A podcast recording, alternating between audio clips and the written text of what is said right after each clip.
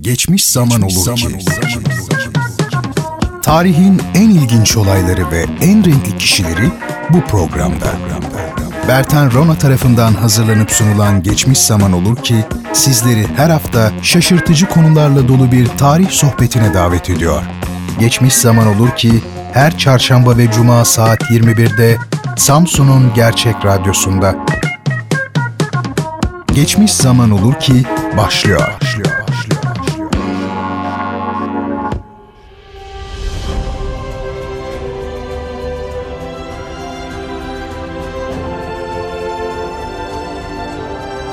Herkese iyi akşamlar efendim. Geçmiş zaman olur ki'den sevgiler ve saygılar. Programı sizler için hazırlayıp sunan Bertan Rona'yı dinliyorsunuz. Bildiğiniz üzere her hafta çarşamba ve cuma akşamları saat 21'de Radyo Gerçek'te beraber oluyoruz ve ilginç, önemli, gizemli ve unutulmaz olayları, büyük organizasyonları ve insanların nerede olursa olsun yakından bildiği bazı olguları tarihin tozlu raflarından birlikte indirip masaya yatırıyoruz. Efendim bu ve önümüzdeki bölümde programımızın geçmiş bölümlerinde hiç yapmadığımız bir şey yapacağız ve bilimsel nitelikte bir incelemeye yer vereceğiz. Konusu Türk pop müziğinin tarihi olan bu inceleme çok sevgili arkadaşım ve meslektaşım 19 Mayıs Üniversitesi Müzik Eğitimi Bölümü Doktor Öğretim Üyesi Sonat Coşkuner ile beraber yazmış olduğumuz Türk hafif müziğinde bir fenomen, grup buluşum adlı kitapta yer alıyor.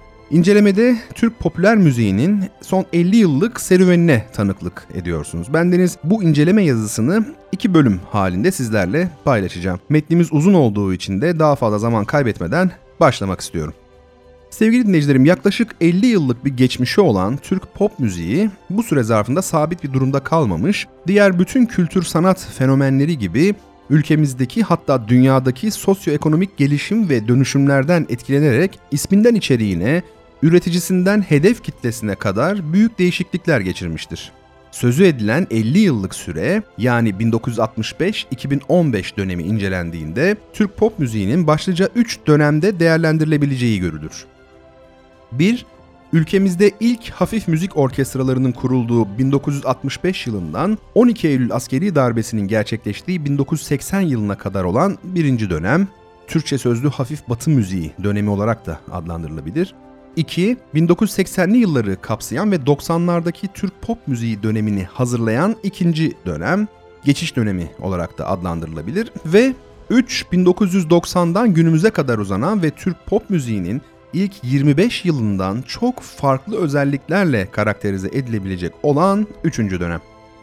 Başlangıçta Türkçe sözlü hafif batı müziği olarak adlandırılan bu türün öncelikle İstanbul gibi çok sesli müzik geleneğine yabancı olmayan merkezlerde geliştiği söylenebilir.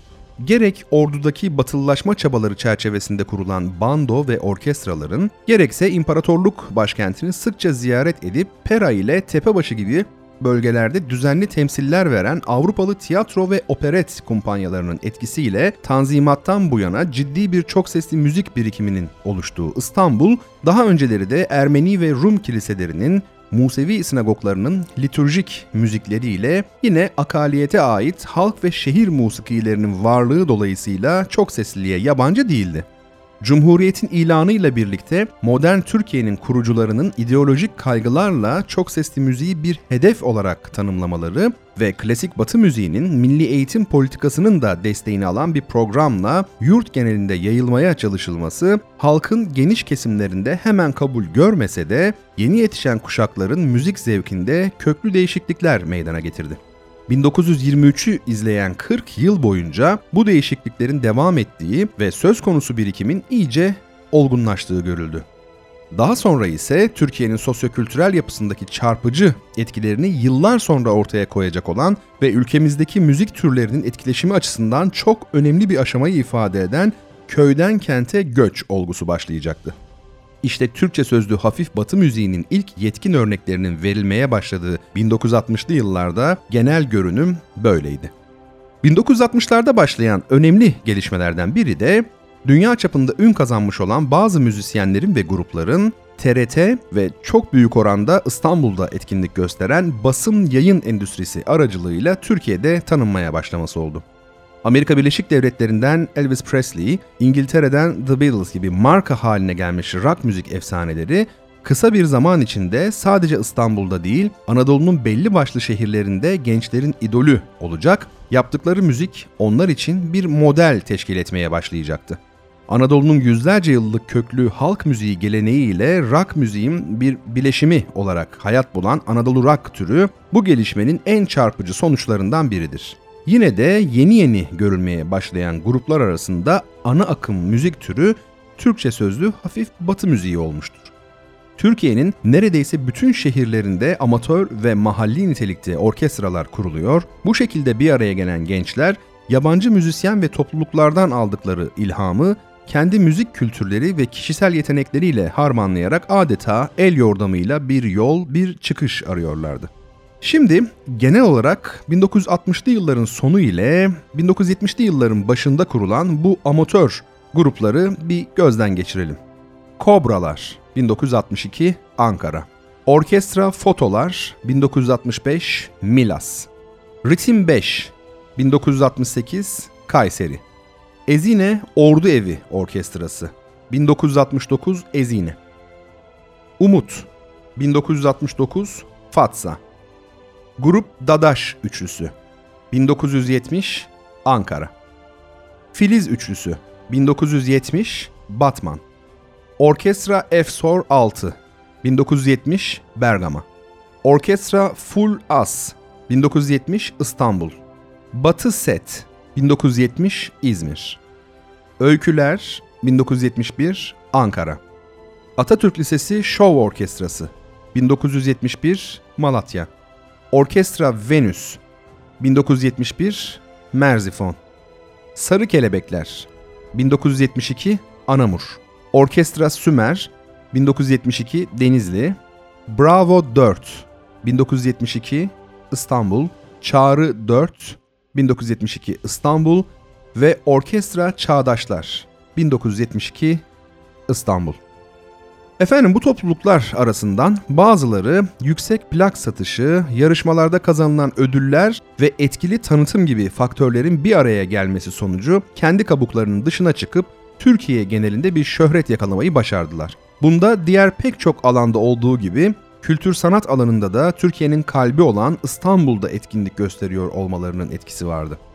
Bunlar hangi orkestralardı bir bakalım. Mavi Işıklar 1964 İstanbul, Mavi Çocuklar 1967 İstanbul ki bu grup Hürriyet Gazetesi Altın Mikrofon yarışması birincisi olmuştu. Moğollar 1967 İstanbul, Sis Beşlisi 1968 İstanbul ki Sis Beşlisi de Hürriyet Gazetesi'nin Altın Mikrofon yarışmasında 5. olmuştu. İstanbul Gelişim Orkestrası 1969 İstanbul, Modern Folk Üçlüsü 1969 İstanbul, Ersen ve Dadaşlar 1970 İstanbul ve 3 Hürel 1970 İstanbul hemen hepimizin adlarını bildiği topluluklar bunlar. Müzik topluluklarında olduğu gibi yine İstanbul merkezli olarak etkinlik gösteren ve Türkiye genelinde yıldız olarak tanımlanabilecek kadar büyük bir ün kazanan bazı şarkıcıların bu döneme damga vurduğu söylenebilir. Birbirinden çok farklı tarz ve üsluplara sahip olan bu isimleri birleştiren nokta son çözümlemede hepsinin Türkçe sözlü hafif batı müziği kapsamında değerlendiriliyor olmasıydı. Kimdi bu şarkıcılar? Bir bakalım.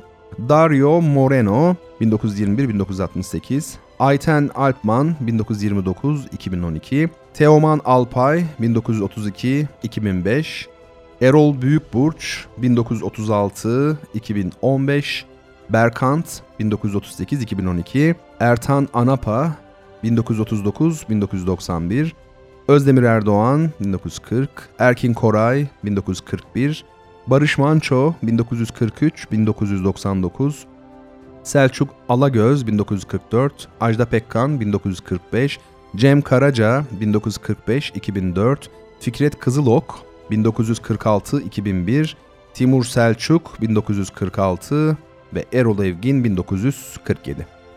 Bu şarkıcılarla birlikte Türkiye'de popüler müziğin birinci aşamasını oluşturan ve 1965-1980 yılları arasındaki süreci kapsayan dönemin sona erdiği söylenebilir. Türkçe sözlü hafif batı müziğinin ilk 15 yılını teşkil eden bu dönemde genellikle özgün bestelerin yapıldığı, performans ve kayıtlarda ise akustik veya elektronik de olsa reel enstrüman ile orkestraların kullanıldığı görülmektedir. Şarkı sözleri önemli şairlerden seçilmekte, özgün nitelikte olanlar ise belli bir edebi seviyenin altına düşmemekteydi. Timur Selçuk'un Ümit Yaşar Oğuzcan'ın bir şiiri üzerine bestelediği İspanyol Meyhanesi birinci gruba, Erol Evgen'in 70'lerin sonlarına doğru meşhur olan Bir de Bana Sor isimli şarkısı ise ikinci gruba örnek olarak gösterilebilir. 1965-1980 yılları arasındaki şarkı sözleri açısından yukarıda söz edilen duruma kontrast olarak Türkçe sözlü hafif batı müziğinde görülen en önemli gelişme ise aynı dönemde dünyaca ünlü olan bazı Fransızca ve İtalyanca şarkıların Türkçe'ye adapte edilmesiydi. Enrico Macias, Mina, Adamo gibi yıldızların söylediği en bilinen şarkılardan bazıları bu kapsamda Türkçe'ye çevrildi ve son derece popüler oldu. Ajda Pekkan, Berkant, Ayten Alpman ve Ayferi gibi isimlerin söylediği bu şarkılar arasında Haykıracak Nefesim, Eylül'de Gel, Hayalimdeki Resim ve Anlamazdın sayılabilir. Bunların hepsi uyarlama şarkılar. 1980 yılının 12 Eylül'ünde gerçekleşen askeri darbe ve yarattığı yepyeni koşullar ülkede hemen her şeyi olduğu gibi popüler müziği de derinden etkiledi. Ne var ki bu etki diğer alanlarda olduğu gibi kültür sanat alanında da sonuçlarını yaklaşık 10 yıl sonra tam olarak gösterecekti. 80'li yılların ise esas karakteri itibariyle bir geçiş dönemi olduğu söylenebilir. Türk pop müziğinin ikinci dönem olarak tanımlanabilecek olan bu evrenin özellikleri arasında 65-80 arasındaki kaliteli şarkı geleneğinin devam etmesi, bu kapsamda değerli sözler ile müzikal açıdan nitelikli kompozisyonların yazılması, bununla birlikte akustik ve elektronik çalgıların yanı sıra synthesizer ve orgların da icra ve kayıtlarda kullanılmaya başlaması sıralanabilir. Daha önceki yıllarda olduğu gibi sesi ancak belli bir müzikalite gösterebilenlerin şarkıcı olabildikleri bu dönemin bir başka dikkat çekici özelliği de Garo Mafyan, Onno Tunç ve Şerif Yüzbaşıoğlu gibi önemli besteci ve aranjörlerin ön plana çıkmasıydı. Müzikal altyapı bir yana bırakılacak olursa, Türkiye'deki ekonomik gelişmeler dikkate alındığında kapalı toplum yapısı ile yarı feodal üretim ilişkilerinin yerini dışa açılmaya ve kapitalizmin gerçek anlamda tesisine bıraktığı bu dönem, 90'lı yıllardaki Türk pop müziğinden önceki bir kapanış olarak görülmelidir. Çünkü 60'lı yıllarla başlayan ve her türlü farklılığa, başkalaşıma rağmen kendi içinde bir bütünlüğü, sürekliliği sergilemiş olan Türkçe sözlü hafif batı müziği 80'lerin sonunda ortadan kalkmış ve yerini Türk pop müziğine bırakmıştır. Adlandırmada görülen bu büyük farklılık az önce sözünü ettiğimiz kırılmaya işaret etmektedir. Yine de bu kırılmanın bir anda gerçekleştiği söylenemez. İç içe geçişlerle şekillenen bu süreç boyunca her iki dönemin özelliklerini taşıyan şarkıcılar ve gruplar bulunduğu gibi 80'li yıllarda müzik yapan bazı isimlerin 90'lı hatta 2000'li yıllarda da aynı tarz ile devam ettikleri görülmektedir. Türkçe sözlü hafif batı müziğinin 1990 yılı öncesindeki son temsilcileri arasından şu kişiler ve topluluklar öne çıkmakta. Coşkun Demir 1948, Kayahan 1949-2015, Sezen Aksu 1954, İlhan İrem 1955, Nilüfer 1955, Zerrin Özer 1957, Yeni Türkü 1977 kuruluşu, Grup Gün Doğarken 1982, Ezgi'nin Günlüğü 1982 ve Mazhar Fuat Özkan 1984. Efendim 80'ler sona erip takvim yaprakları 90'lı yılları göstermeye başladığında Türkiye'de popüler müziğin 3. dönemi olarak adlandırılabilecek olan Türk pop müziği başlamış oldu. Bu yeni dönemin önceki dönemlere göre çok büyük farklılıklar getirdiği ise hemen anlaşıldı. Her şeyden önce pop müzik ilk defa bu kadar geniş bir yaygınlık kazanıyor ve belki de medyanın dominasyonu ile ilk defa olarak halk müziği veya arabesk gibi türlerin önüne geçiyordu. Bunda şarkılar için çekilen video klipleri sürekli yayınlayan televizyon kanallarının da tabii etkisi vardı. 60'lı yıllarda başlayan köyden kente geç olgusunun ürünü yeni jenerasyona mensup şehirli ve genç bir dinleyici kitlesinin varlığı ile açıklanabilecek olan bu pop müzik çılgınlığı kendine bir ad bulmakta gecikmedi. Medyadaki bazı kalemlerin ve eleştirmenlerin ardından hemen herkes yaşanan pop patlamasından söz etmeye başladı. Bu adlandırma artık çok açık bir kültür fenomenini tanımlar hale gelmişti. Hangi adlandırma o? Pop patlaması. Bu dönemde piyasaya çıkan parçaların hem müzikal altyapı hem de şarkı sözlerinin içeriği bakımından önceki dönemlerden belirgin bir biçimde ayrıldığını söyleyebiliriz. Birinci dönemde kullanılan akustik ve elektronik çalgıların ikinci dönemde ağırlık kazanmaya başlayan synthesizer ve orkların yerini bu dönemde neredeyse tamamen bilgisayar programları almıştı. Gerçek enstrümanlarla yapay sesler arasındaki bu değişimin yanı sıra müzikteki armoni unsurunun hemen hemen ortadan kalktığı, melodinin ise gittikçe zayıfladığı hatta yok olduğu görülüyordu. Tüm bunların yerine metrik vuruşların monoton bir biçimde tekrar edilmesi esasına dayanan neredeyse tamamıyla duyumsal ve tensel bir müzik üretilmeye başlamıştı. Dünyada tekno olarak adlandırılan diskotek müziğine doğru evrilmekte olan bu türün içerdiği sözler ise o güne kadar görülmemiş bir ahlaki dejenerasyonu ve seviyesizliği sergilemesi bakımından özellikle ilginçti. Yaşanan bu kalitesizlik ve bir irtifa kaybı olarak yorumlanabilecek olan değişim 90'ların başında o kadar belirgin bir biçimde hissedildi ve insanları öylesine şaşırttı ki dönemin özgün veya protest müzik şarkıcılarından Ahmet Kaya televizyonda konuyla ilgili olarak kendisine yöneltilen bir soruya Türkiye'de pop patlaması yok gözüm, top patlaması var diyerek cevap verecekti. 80'li yıllar boyunca Türkiye'de iyice yerleşen ve şehir kültürü içinde içselleştirilen kapitalist üretim ilişkileriyle bunun sonucunda oluşan tüketim toplumu az önce sözü edilen pop patlamasının temel nedenleri arasında gösterilebilir. Yeni kuşak anne ve babalarından farklı olarak göçmen değildi. Hemen hepsi yaşadıkları büyük kentlerde doğmuşlardı.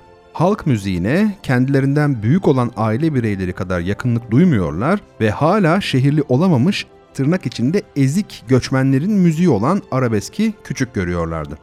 Aslında klasik Türk musikisinin hayaleti olarak değerlendirilebilecek olan Türk sanat müziğinin ise bu yeni nesle söyleyebilecek hiçbir şeyi bulunmuyordu.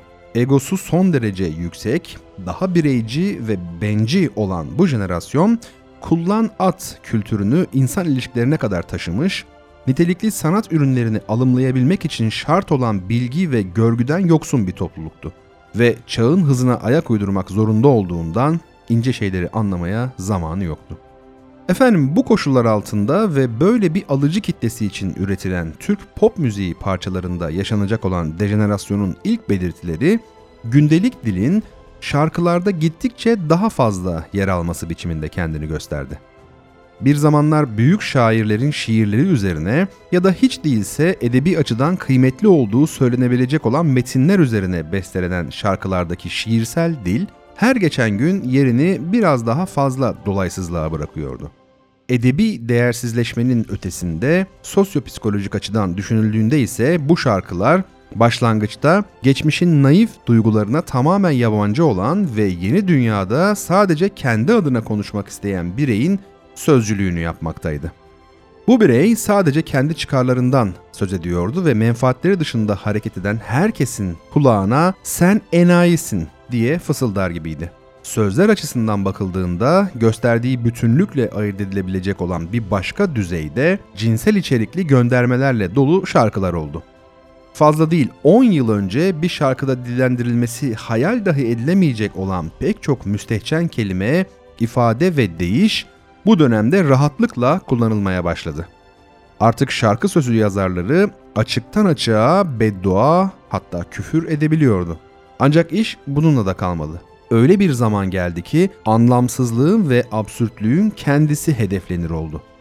Normal koşullarda bir ilkokul öğrencisi tarafından yazıldığı sanısı uyandırabilecek metinler üzerine bestelenen şarkılar prime time televizyon programlarında kendilerine saatlerce yer buluyor. Bu şarkılarla ünlenen pop starlar büyük birer sanatçı muamelesi görüyordu.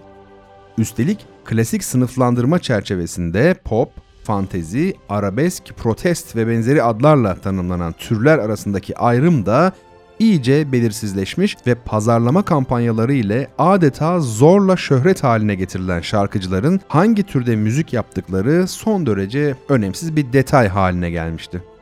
Eski mankenlerden sinema yıldızlarına hatta haber spikerlerine kadar albüm çıkarmayanın kalmadığı görülüyordu. Yukarıda sözü edilen ve şarkı içerikleri açısından sırasıyla gündelik dile yaklaşanlar, bireyci dünya görüşünü yansıtanlar, müstehcen yapıda olanlar, küfürlü içerik taşıyanlar ve absürt söz içerenler biçiminde sınıflandırılabilecek olan çerçevelerin daha iyi anlaşılmasını sağlamak için örnekler üzerinden gitmek faydalı olacaktır. Hem gündelik dil kullanımı hem de bireyci dünya görüşünü yansıtması açısından ilginç sayılabilecek iki örnek Suat Suna ve Çılgın Sedat'ın şarkılarından verilebilir. Suat Suna'nın 1995 yılında piyasaya çıkan Hasret Fenerleri albümünde yer alan Yalan Değil isimli şarkı şu sözlerle başlamaktadır. Aynı dertlerleyim. Yalnız ve sensizim. Biliyorum ben istedim ayrılmayı. Kabul etmezsin sanmıştım. Dönemez misin? Evet, buradaki ucuzluğun ve dolaysızlığın daha çarpıcı bir örneği Çılgın Sedat'ın 2002 yılında yayınlanan Bastıra Bastıra Aşk albümünde bulunan Nelere Katlandı Bu Yürek isimli parçada görülmektedir. Çılgın Sedat, Suat Suna'dan çok daha açık sözlüdür. Kendisini beş para etmez bir cep telefonuna satan sevgilisinden intikam alma vakti gelmiştir. Hatırlar mısın zamanında sen benim aşkımı, sen benim sevgimi, sen benim yüreğimi Ataköy'de bir kata, Tarabya'da bir yata, bir de beş para etmez bir cep telefonuna satıp giderken sana iki çift söz söylemiştim. Bir gün ne pahasına olursa olsun ben de senin aşkının bedelini ödeyip satın alacağım demiştim. Kutsi'nin 2005 tarihli Sana Ne albümüne adını veren şarkıda karşılaştığımız sözler de yukarıdaki iki örneğe benzer bir biçimde umursamazlığın gündelik dil ile dışa vurumunu gözler önüne sermektedir. Şarkının başında sana ne benim çektiğim acılardan, daha ne alabilirsin ki bu canımdan diyerek dert yanan Kutsi, sonra birden tavır değiştirerek şunları söylüyor. Yeni yeni sevdalar çiçeği misin? Bana ne, bana ne, bana ne be. Şartlar bunu gerektirdi. Ayrıldık işte. Bahane, bahane, bahane. Allah'ın sopası yok ki gökten indirsin. Geldin mi sözüme sürüne sürüne? Hayatımda biri var mı merak etmişsin. Sana ne, sana ne, sana ne? Bu dönemde benzer nitelikte şarkı sözleri ortalığı kasıp kavurmaya başlamıştı. Alişan kendi hayat tecrübesi ışığında dinleyicilerine tavsiyede bulunuyordu. Aklın varsa evlenme, gençliğini tüketme. Biri gider, biri gelir. Hayatını yaşa bence. Rafet el Roman ise Alişan'ı tasdik edercesine sarılıp tutuşup öpüşür sevişiriz ama ebediyen senin olamam diyordu. Alişan ile Rafet El Roman'ın çizdiği çerçeve dahilinde sevgili olabilmek mümkünse de olası bir ayrılık durumunda Burak Kut'un önerisine uyulmalıydı. Bıraktı mı? Hadi ya. Üzülme be abi ya. Hayat kısa tabii ya. Ya yürü başka kız mı yok? Sevmeyi versin bas git. Taksit taksit. Üstelik Demet Akalın da Burak Kut gibi düşünüyordu. Ne üzülür ne sıkılır, sadece birazcık düşünür, hemen yeni bir aşık bulunur, yerin çok çabuk doldurulur. Sevgilimi koluma takarım, bebekte 3-5 tur atarım, olmadı bir de sinema yaparım, olmadı bir de Miami yaparım. Gördüğün gibi çok unutkanım. Evet sevgili dinleyicilerim, Türk pop müziğinin tarihçesini şimdilik burada bırakalım ve bir sonraki bölümde kaldığımız yerden devam edeceğimizi belirtelim. Efendim bendeniz Bertan Rona. Her hafta çarşamba ve cuma akşamları radyo gerçekte sizlerle buluşuyor ve geçmiş zaman olur ki diyerek macera dolu yolculuklara çıkıyoruz. Önümüzdeki bölümde de öyle yapalım ve konumuzu tamamlayalım. O vakte dek hepinizi Allah'a ısmarlıyorum. Sağlıcakla kalın.